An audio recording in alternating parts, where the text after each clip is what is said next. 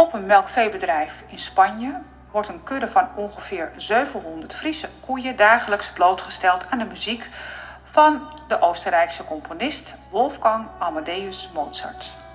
Het beluisteren van Mozarts concert voor fluit en harp in D-major in hun stallen tijdens melktijd zorgt ervoor dat de kudde rustig aanschuift om gemolken te worden. Ze produceren ook 1 tot 6 liter melk meer dan de niet naar Mozart luisterende tegenhangers. Een studie werd uitgevoerd bij LCAH Diaries. Een duizendkoppige kudde van Friese koeien werden blootgesteld aan snelle muziek, trage muziek en geen muziek.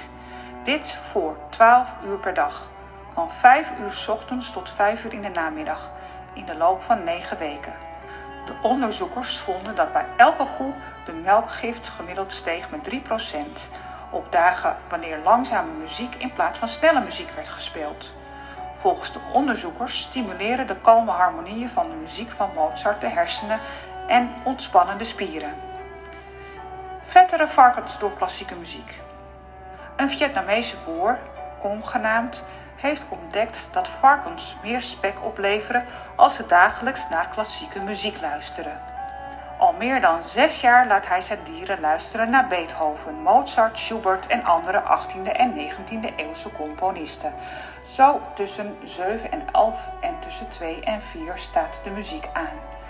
De varkens gedijen er goed bij. Ze eten meer en worden ook zwaarder. Het bewijs voor de gunstige invloed van de muziek is daarmee geleverd, hoewel het niet wetenschappelijk is onderbouwd. De varkensboer trekt veel bekijks van zijn collega's die uit het hele land naar zijn boerderij afreizen.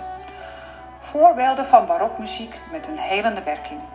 Brahms, concert voor viool en orkest nummer 1 in G mineur.